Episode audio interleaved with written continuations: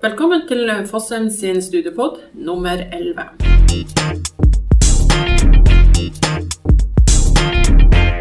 Og i dag så har vi en gjest i studiet som heter Margaret.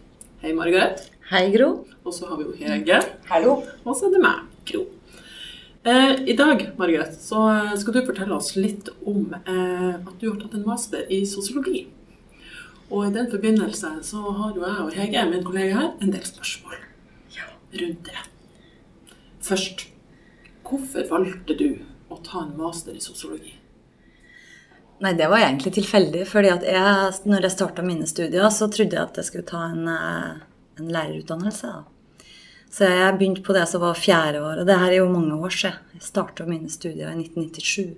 Ja, Så planen din var å bli lærer? Ja, jeg trodde kanskje det. Ja. Jeg hadde bare sagt meg på høyskole, og så hadde jeg lyst til å begynne å studere. Og så var jeg veldig sånn Ja, vingla litt. Jeg var ikke sikker på hva jeg hadde lyst til å peile meg inn på, da. Men så første året så tok jeg kulturkunnskap.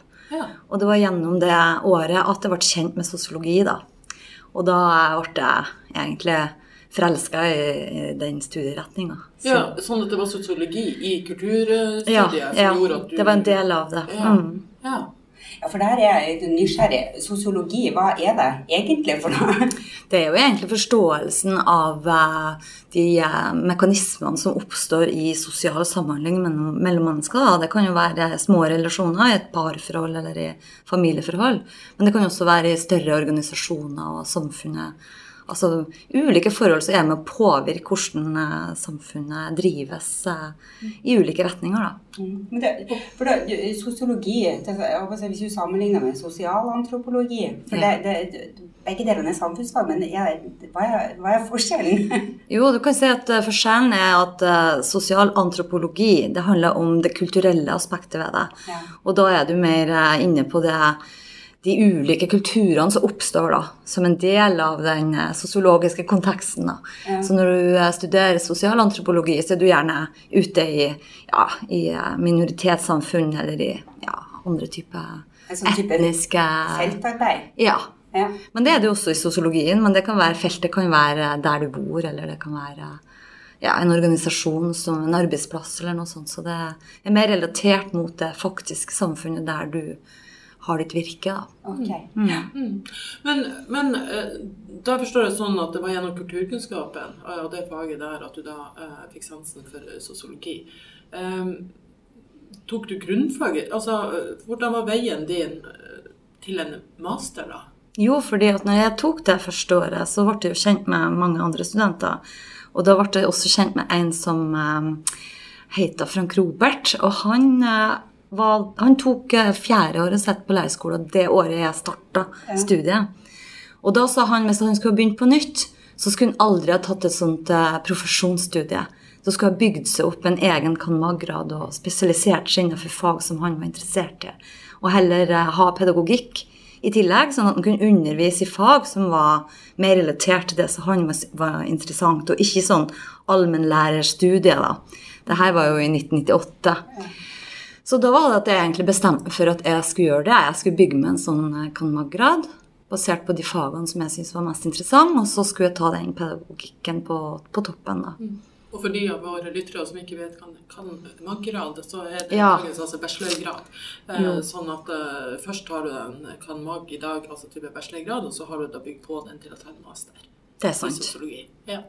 Det var det jeg gjorde, ja. Ja. Men det, det at det ble den masteren, var jo det vi skulle egentlig frem til i samtalen. Og det ble også egentlig bare tilfeldig, fordi at det var etter de For på den tida så var det fire år, den som bachelor, da. Så når jeg var, var ferdig med det fjerde året, så, så var det noen uh, masterplasser som ble lyst ut ledig. Og da ja, torde å søke på det. Der, altså, da var det noen ledige studieplasser på som masterprogrammet. Mm. Eh, Hvordan er det? Sånn at det er ikke bare sånn å søke seg inn på masterstudier? eller? Jo, det er det, men det som var, det var det at jeg også var lenmor, så jeg var bosatt i eh, Bodø. Så jeg hadde ikke jeg hadde den fleksibiliteten som andre studenter kan ha i forhold til å flytte. Eh, og så var det Universitetet i Tromsø så på det tidspunktet hadde noen ja, masterprogram da, som de kjørte i, på høyskole i Bodø. Ja. Og da var det at de tilbudt, eller hadde tre sånne ledige Studieplasser, da. Mm. Ja, riktig. Så det var sånn du kom inn der. Ja. Men, men er det noe sånn opptakskrav? Altså, hvilke, hvilke opptakskrav er det for å komme inn på master? Ja, på det tidspunktet så var det jo ganske høye opptakskrav i forhold til karakterer da, på de fagene som var relevant i forhold til um, masteren. Det var det. Men det var de karakterene som jeg hadde fra høyskoleutdanninga mi. Det var ikke det som var fra videregående. Nei, sånn at eh, du bygde videre på de gode karakterene du fikk i, eh, Ja. i graden din før Ja. du begynte på master. Og ikke de dårlige jeg hadde fra videregående. Nei. så det er muligheter, selv om man kanskje ikke gjør det så bra Ja. på videregående. Ja. Så kan Ja, du man, kan hente inn du kan senere i livet. senere Ja. i livet. Det er litt greit å vite. Men eh, hva slags fag var det som lå i den masteren? Jo, nei, det som jeg starta med da når jeg var, tok først denne bacheloren, det var at jeg tok eh, kulturkunnskap første året, og så tok jeg sosiologi, velferdssosiologi grunnfag. Og så tok jeg mellomfag også i sosiologien parallelt med at jeg tok historie. Ja. Så eh, måtte vi også ha denne her eh, X-FIL på det tidspunktet. Så det ble også en del av den graden jeg bygde opp da. Så det var jo, på den tida så var det jo vekttall og ikke studiepoeng, men det, i prinsippet det samme. Ja. Ja. Men, eh, men, eh, men, eh, så da får du plass eh, på et sånt masterprogram. Da. Jeg fikk det, ja. Ja. Mm. Ehm, hvordan er det bygd opp? Hva er varigheten? For oss på det tidspunktet så var det to år som var normert tid. Og da var det sånn at du hadde noen obligatoriske fag du måtte ta. Med, det var hovedsakelig samfunnsvitenskapelig metodikk, feltmetodikk og, og sånne metoder. da. Så det måtte man jo ha. Og så måtte man også eh, best skrive og bestå et essay og en, en innlevering underveis eh, Ja. basert på det som var metodikk. da. Ja. Og ellers så, så, gjorde, så konstruerte du egentlig i veldig stor grad din egen feltoppgave. Da. Så fikk du tildelt en veileder som fulgte i forhold til det som var din problemstilling som du ønsker å forske på. Sånn at du får din egen veileder som følger deg. Eh, Ja. Sånn plan jeg skal følge deg gjennom hele studietida. Men når vi var inne på normert eh, tid, for det er jo to år på masterprogrammet, de fleste masterprogrammene i dag også, på universitet og så høyskole, så det har jo ikke endra seg. Nei. Eh, tok du det på normert tid? Ja. Så bra. Det er veldig bra. Det er jo eh, mange som ikke tar det på normert tid. ja, det var veldig sjelden faktisk Mm. på den tida. Mm, Så det gjorde jeg. Så, Du, kan jeg, kan, jeg, kan jeg spørre i forhold til eh, dette her med, med Hva valgte du å skrive eh, master eh, om?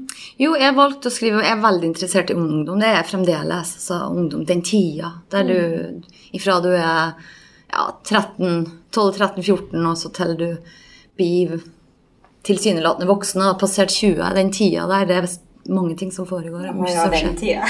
Ja, så jeg har uh, veldig interesse av å, å uh, undersøke eller å bli kjent med dem. Og Så jobber jeg også som vikarlærer på en ungdomsskole, så jeg var, fikk en del ungdommer som jeg ble kjent med. Og så spurte de om de kunne tenke seg til å være mine informanter da, i mine hovedfag. Det var frivillige. Ja.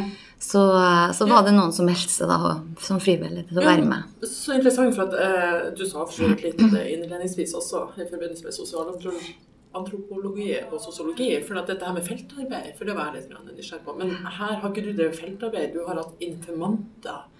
Ja, eh, det kan man si. opp til eh, det temaet du skriver om. Ja, men det var også naturlig, for det her er en liten sånn drabantby, kan man si, i, i nærheten av Bodø. Og det var der jeg også eh, var vikarlærer. Sånn at jeg ble litt eh, kjent med det samfunnet rundt dem òg, da. Sånn at rammene rundt de ungdommene var noe som også ble relevant når jeg skrev. Mm. For det jeg skrev om, det var hvordan de sjøl som enkeltindivider i en alder av 16 år eh, opplevde sine muligheter, altså sine valg da, for, for sin, eh, sitt liv, sitt voksenliv. Da. For det var jo sånne avgjørelser du skal ta når du er i den alderen. For videregående og planer og ideer du har om hva du ønsker. Så det hadde, jeg hadde lyst til at de skulle prate fritt da, eh, ut ifra et litt sånn overordna tilnærming da, til deres liv. Mm. Men kan jeg spørre om, for er det sånn at alle kan sjøl eh, bestemme eh, hva man vil skrive masteroppgave i, eller er det sånn at eh, universitetene og høyskolene kan utlyse eh, tema? Ja, det er begge deler. Ja, det er begge deler. Ja. Ja, er riktig. Men jeg fikk, og jeg valgte også å skrive en sånn som var tilpassa meg, da. ja, ja. Og det fikk jeg. Du får, men du må jo få godkjent den problemstillinga du, du Hvem er det som presenterer. den, da? Det er både den som er veilederen din, men også de professorene som er hovedansvaret for eh, studiet. da. Så eh, Sånn at man kan, man kan risikere å ikke få godkjent. ja. Det, Ja. jeg tror ikke det er uvanlig. Nei, nei, riktig. Fordi at og, Kanskje ikke samfunnsvitenskapelig nok interessant, Nei. eller at det er ikke relevant i forhold til det som er instituttet eller skolen sine målsetninger. Så interessant. Ja, skolen sine mål, målsetninger. Så det, så det betyr at eh, man kan få tilslag på, på, seg, på et tema ett sted, men ikke nødvendigvis et annet. ja, sånn, ja, det tror jeg. Ja. Mm. Og altså at man også kan søke spesielt på, på, på et masterprogram som skal forske på et spesielt forhold. Ja, Ja. det er også mulig. Ja. Så Ja. Du, jeg bare lurer litt sånn på Jeg må jo være ærlig på det at eh, jeg har snusa litt eh, på master eh, tidligere, men har aldri tatt steget. Og jeg syns det virker så krevende. Em, det er jo to år. eh, og, og, og, og det er jo mye research, kartlegging, teori, lesing og ikke minst skriving.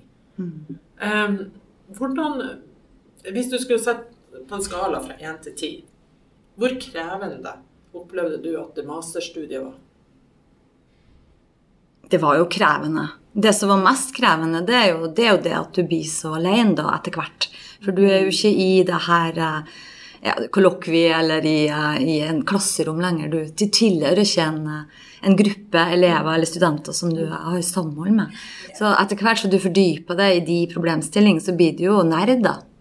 Fordi at det er jo ingen andre som er interessert på et visst tidspunkt i det du driver og drøfter, for det kan jo være helt sære ting, så du blir jo litt uh, Så til slutt hadde du ingen venner?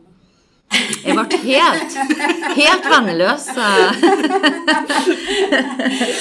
Nei, fra spøk Men, til alvor. ja, men eh, jeg tenker, det må jo være et veldig eh, stort skritt da, i forhold til det å ta en eh, bachelor, hvor man da eh, i stor grad da, er på de samme forelesningene og gjør det samme, har de samme veilederne osv. Men ble du helt alene, eller var, var, Ja, var, var du- det ikke noe som var felles? Ikke etter hvert som du driver og skriver på oppgaven din. Så det første året er jo litt felles, for da tar du jo litt sånn felles eksamen og går på litt for, forelesninger. og- Ja, gjør litt sånne ting. Så, men så er det jo også, i hvert fall Høgskolen i Bodø på det tidspunktet, jeg tror alle universitetene også tilrettelegger sånn at de som eh, holder på med hovedfag, har sine områder de er på. da. Men allikevel, så om du er sammen med andre masterstudenter, da, så vil jo de alle ha sine helt spesifikke problemstillinger. Vi har jo ikke samme veiledere, og, så vi, vi vil allikevel Det fjer, fjerne oss litt ifra hverandre. det blir ganske individuelt, da. Altså, Det blir veldig individuelt. Og det som du, når du spør eh, fra skala sånn, hvor, eh, hvor krevende det er, så tenker jeg det å, å være eh, i stand til å kunne strukturere din egen arbeidsdag og ha, følge dine egne planer og ha sånn milepæler og Det blir veldig viktig. Ja, for deg satt jeg og lurer på hvordan ser en typisk eh, arbeidsdag ut for en eh, masterstudent Ja. i sosiologi på siste året, da? Ja. Eh, nå tror jeg ikke jeg var et, et veldig sånn uh, Hva var typisk for det? da? ja, nei, altså for meg så var jeg var jo også mor, ikke sant, og så jobb, måtte jobbe i tillegg, for jeg måtte ha inntekt i tillegg. Så jeg hadde jo et familieliv som jeg også skulle leve, eh, så også jobb i tillegg. Så, Ja, for at du har kombinert studie, for at du, du har eh, du har fått barn i tidlig alder. ja, jeg hadde med meg dem, så jeg var alenemor når jeg starta studiene mine. Så de har liksom vært med i min reise, studiereise. Mm. Mm. Og de var jo blitt åtte-ni år da, på det tidspunktet at jeg skulle skrive den, eh, den eh, masteroppgaven. Så da var jo de egentlig liksom selvstendige i forhold til å gjøre ting på ettermiddagen, sånn, men allikevel så er det jo nesten mer oppfølging av ungene, på, for de er jo mer ute og fær, så du må jo etter dem da, på et vis. Men Tenker du at det kunne vært positivt også, dette at du ble mer strukturert? Selvfølgelig, det tror jeg for mitt vedkommende hadde alt å si, fordi at min, mine dager måtte være i stru, av struktur og orden. Eh, av at jeg hadde dem. Så derfor så måtte jeg også passe inn min tid da, for å både lese og skrive og, ja, og følge opp mine aktiviteter. Det ble ganske sånn strengt da, hvilken tid, tid jeg hadde. da. Mm. Hvor mange sider ble den masteroppgaven din på, da? Den var vel sånn bortimot 200 sider, tror jeg. Av fire sider? Ja. Hvordan linjeavstand var? Du, det var vel no, Var ikke det en og en halv, ja? ja eh, Times New Roman, skriftstørrelse 12, er det ikke det? Jeg vet ikke om det er sånn lenger nå, altså, dessverre. Men, men du, eh, du var litt inne på dette her med det altså at, at, at i starten av altså masterprogrammet så er det en del som felles i forhold til de andre som også skal ta master. Eh, Men så endrer det seg etter hvert som man begynner å spisse seg i forhold til det man, den type tematikken man skal skrive om. da. Eh, Og det ble jeg litt sånn nysgjerrig på, selv om du har sagt litt. da. Eh, Dette her med dette her med, med, med Hvor ofte fikk du oppfølging av din veileder underveis? Og hvilken støtte fikk du der? Mm. Og det er faktisk eh, et litt viktig poeng i forhold til det å kunne klare å gjøre det på noe mer tid, erfarte jeg. For jeg hadde veldig dyktig veileder som var veldig eh, opptatt ut av å coache meg ut ifra mine premisser, og coache meg på, på hva jeg hadde tenkt. Og eh, konfrontere meg med ting. Ja, eksempel så hadde jeg tenkt å bruke en eh, narrativ metodikk. En fortellende metodikk når jeg skulle skrive hva ungdommene sa. Og så var det veldig vanskelig, for vi var liksom drilla på drøft. ikke sant? Så måten jeg skrev på, ble aldri den måten som jeg hadde tenkt jeg skulle bli på, uansett. Så jeg fikk en utfordring med det. Og da, da var hun eh, veldig sånn eh, flink og og, og på en måte ikke konfrontere meg, da, men å gjøre meg bevisst på at jeg kanskje ikke fulgte min egen teori på hvordan jeg skulle beskrive eller skrive. da. Så veileda deg litt med tanke på at du kom deg inn på sporet Ja, Ja, eller altså, hun ba, meg om å velge spor, på, være tydeligere på hvordan valg jeg skulle ta, og kanskje jeg skulle revurdere. ikke sant? Kanskje du skal underveis eh, Så stilte deg åpne spørsmål, sånn at du ja, kom frem til ja, nettopp. Det gjorde hun. Og så var hun veldig eh, tilgjengelig for meg. Mm. Det var et også, jeg var veldig heldig med den. Og så hadde hun ingen eh, egen agenda. Hun hadde ikke noe in- Ja, eller det hadde hun jo, men hun, hun hadde ikke noe hun skulle oppnå med min, eh, min master. Og det var flere av de andre studentene som jeg var sammen med, som hadde veiledere som, eh, som hadde sin egen idé om hva de syntes de skulle komme frem til. Og, okay. Og når de ikke kom frem til det, så de mente at de skulle komme frem til, så ble det en, eh, et misforhold da, mellom veileder og student, faktisk. Så det du sier, det, det at det er vesentlig også fordi at man er mye alene i forhold til Ja. at man skriver eh, oppgaver som ingen andre gjør. Eh, dette at man da er avhengig av ikke bare å ha en god veileder eh, på skolen, men kjemien må også være der med tanke på at ikke veileder har en annen agenda eller målsetting Ja, med oppgaven. ja det vil jeg påstå. Ja. Fordi at det, du er så avhengig av veilederen din, da. Ikke sant? Det vil bli den som legger føringene for både om du eh, rekker de tidsfristene du har gitt deg, at vedkommende er tilgjengelig og, og kan gi deg det du trenger underveis. Men, men vet du, eh, når hun som var veileder, er han som var veileder for deg, eh, var vedkommende veileder for flere samtidig, eller har de flere de følger opp samtidig? Jeg tror ikke hun hadde. Jeg er usikker. Jeg, det greier jeg ikke å huske. Men hun hadde i tillegg, da, var, hun var liksom hovedprimære veileder, men så hadde vi også en sånn eh, ekstern da, veileder som var som hun også kunne henvende seg til. Ja. Og han var også tilgjengelig for oss, da. Så vi var Jeg tror vi var heldige med det, rett og slett. Så egentlig så var dere et lite team likevel? da? Ja, ja. Nei, jeg var ikke helt alene, men de var jo ja, Det var jo ikke sånn at de drev og ringte. Det var jo sånn at de måtte sende tekster, og så måtte jeg vente en ti-tolv dager, så fikk jeg dem i retur, da. Ja, med masse kommentarer og spørsmål og sånn. Ja. Ok, så mye gikk per mail, altså? ja, for det gjorde det. For jeg flytta, Eller jeg måtte jo eller jeg måtte flytte til Brønnøysund underveis mens jeg skrev, fordi at eh, av private hensyn. Så da var ikke jeg i, i tilhørende miljøet lenger da, i Bodø. Så det gjorde det jo selvfølgelig litt ekstra utfordrende for meg, da, for da var jeg heller ikke tilgjengelig for de andre studentene. Men så vil jeg også si en annen ting som jeg syns er viktig, som i hvert fall jeg oppdaga ble veldig bra for meg. Fordi at eh, når jeg forska på de her ungdommene og skrev om dem, så var jo det veldig inspirerende. Jeg skrev ikke om rusproblemer eller uh, andre typer Kanskje litt sånn dystre sider ved livet deres som man også kan forske på. Mm.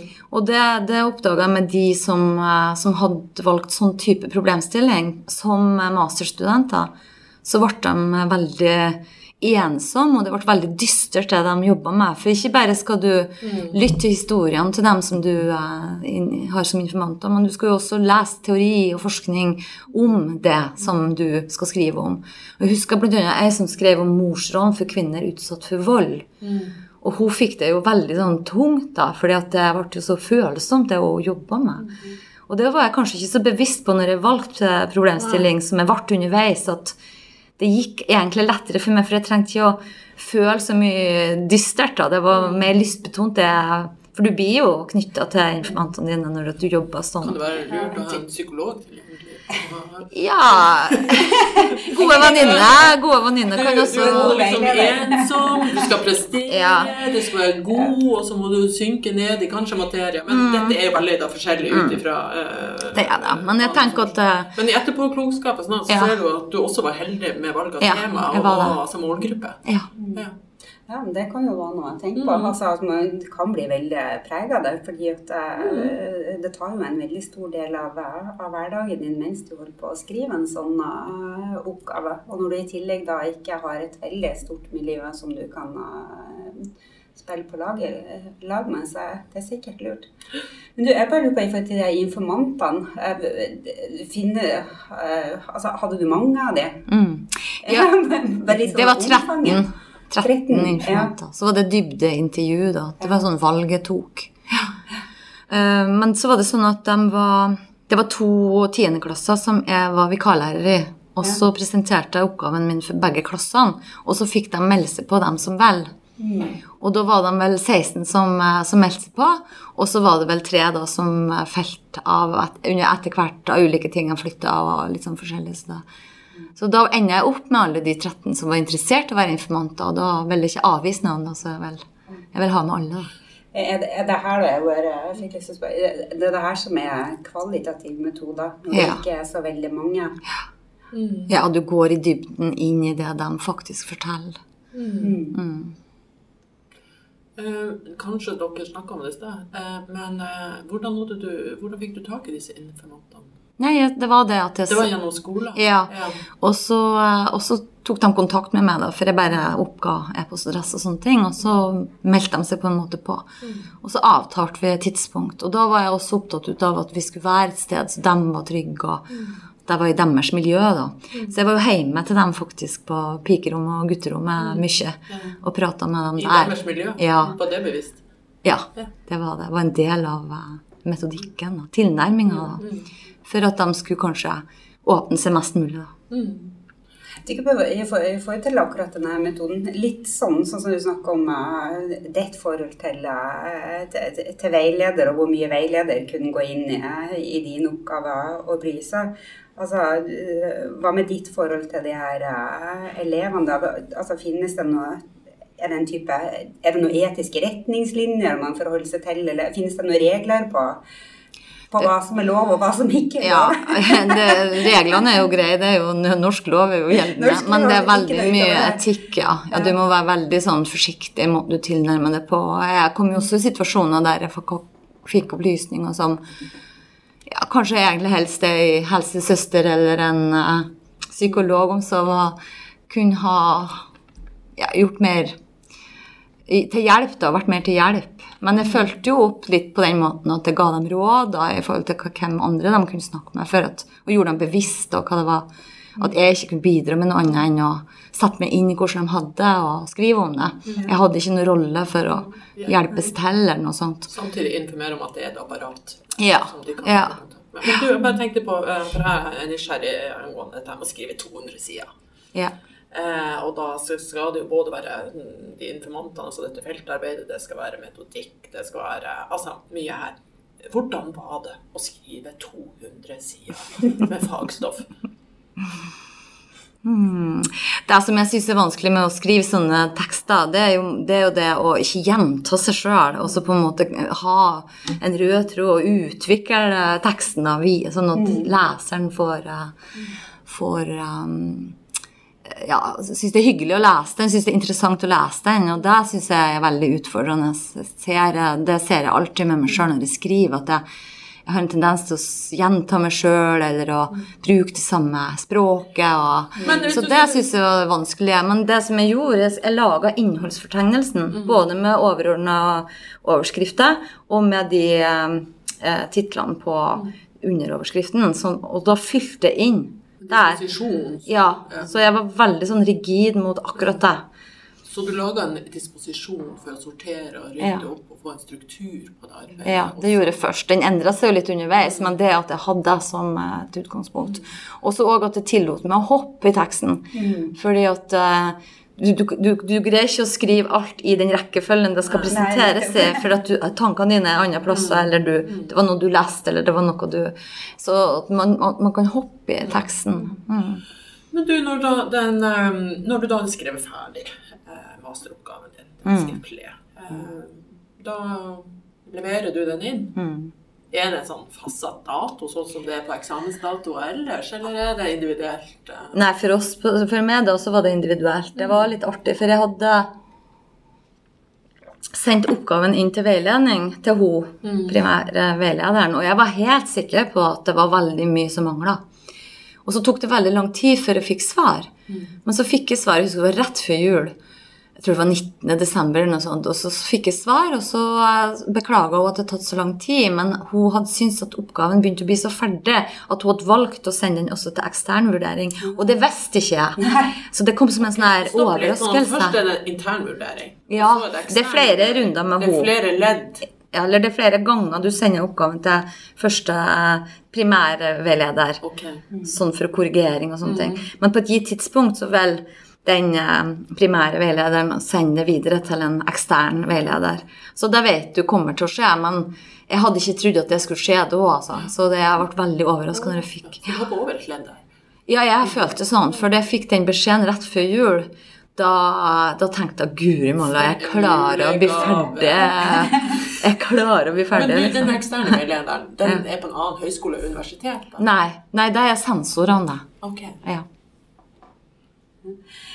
Jeg, lurer litt på, altså Når du er, når du er ferdig med hele oppgaven, for det, det, er klart at det krever masse arbeid og lang tid og mye av, av, av livet ditt, og så har du levert den inn, og så får du den godkjent. da. Mm. Hva da? Hvor, Nei, det var Ja, guri malla. Det er så når dere minner meg på det, så kjenner jeg for sånne frysninger. Da. Men jeg måtte jo sende den. Jeg husker ikke hvor mange, jeg tror det var ti. Men hvor mange eksemplar var det? Det var veldig mange eksemplar jeg måtte levere inn. Jeg tror, jeg, jeg husker ikke hvor det var. Og så ble det jo sendt til de sensorene. og ja. Og så skal du jo da også i tillegg forsvare. Ja. Og så skal du også ha en muntlig eksamen uh, basert på et tema du har skrevet om, men som de ikke syns du har eh, utdypa godt nok i oppgaven. Oh, ja, okay, for du får det du har liksom vært dårligst til, da? Ja, for ja. det var det jeg var litt nysgjerrig på. For det var mitt videre spørsmål. Denne presentasjonen, da. Ja. For den er jo også obligatorisk. Ja, da forsvarer du oppgaven. Da forsvarer du oppgaven. Mm. Men det er noe annet enn at du må Eller den presentasjonen og oppgaven, er det da du får svar, eller du må svare på de tingene du er dårligst på i oppgaven, eller? Ja, ja. for da må du utdype noe. Så du får ti dager forveien, så får du et tema som du skal forberede på en 45 minutters presentasjon. Så da utdypa du noe fra oppgaven som de syns ikke du har gjort kanskje godt nok, eller så de var mer interessert enn andre. Mm. Og så er det da to timer muntlig eksamen etter deg, da.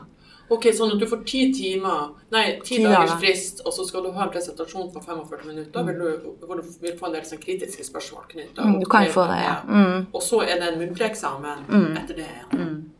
Men den presentasjonen, uh, hvem er det som er til stede da? Og det var veldig skummelt, for det, var så utrolig mye folk. Jeg har fått, uh, For det er åpent.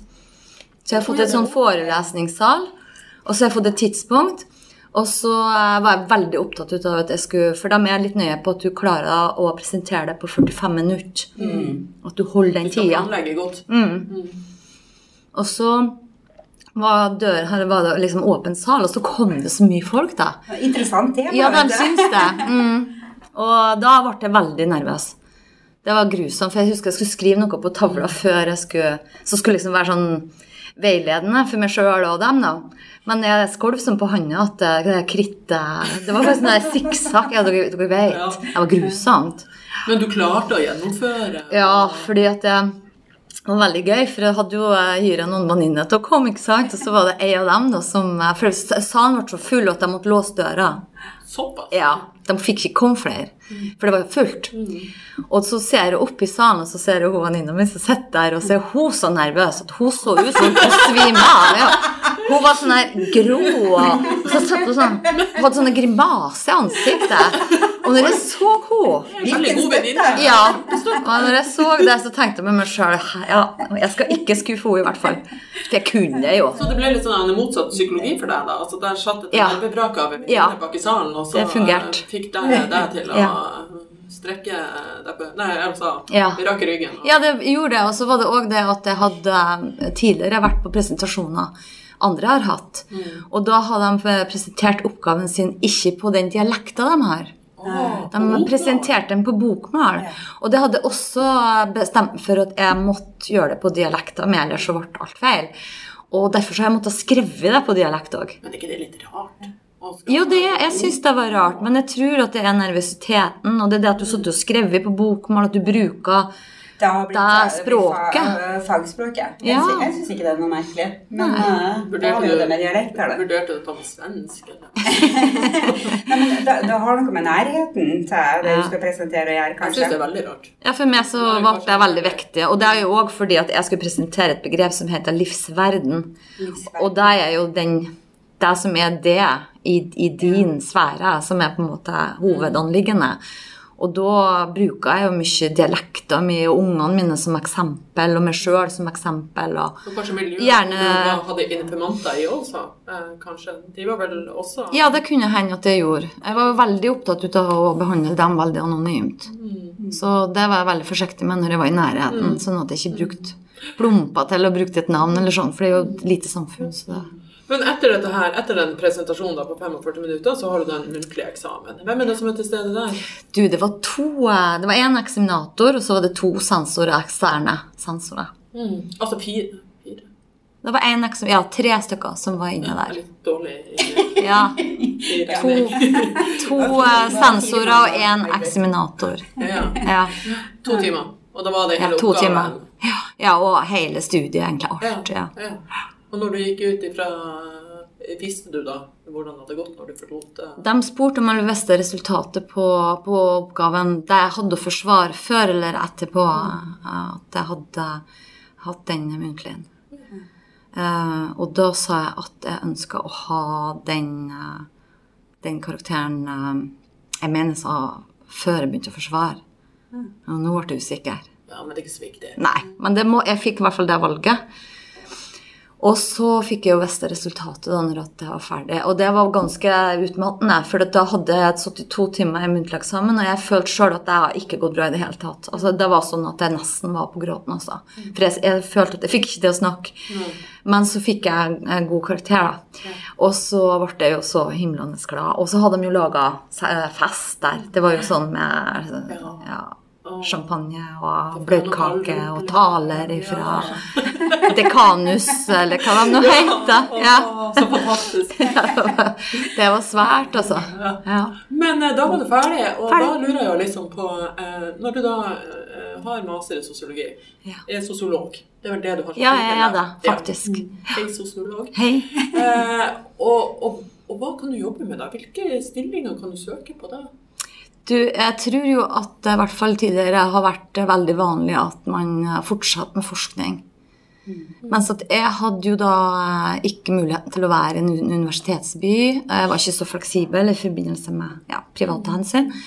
Så jeg tok eh, Ettersom jeg jobba som vikarlærer og også innledningsvis hadde peila meg litt inn på lærergjerningen, så tok jeg praktisk pedagogikk i tillegg, som er et sånt påbygningsstudie, så du kan egentlig ta på alt mulig for å, for å drive undervisning da, og bli godkjent for det. da. Så den tok jeg faktisk parallelt med hovedfaget. Oi.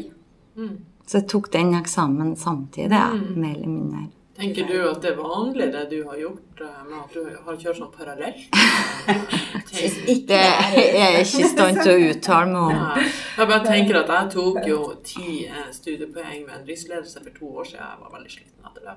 Og du har tatt 200 studiepoeng på, på master, og så har du liksom tatt historie og, og praktisk pedagogikk sånn eh, i tillegg. Men, men. Nå, Nei, vet det. vi er forskjellige. men Det er ja, men vi snakker sånn- Alle lyttere, vi er forskjellige. Men jeg tror allikevel at det kan være viktig å, for alle å senke skuldrene og ikke ha så store prestasjonsforventninger til seg sjøl. Og tørre å satse litt.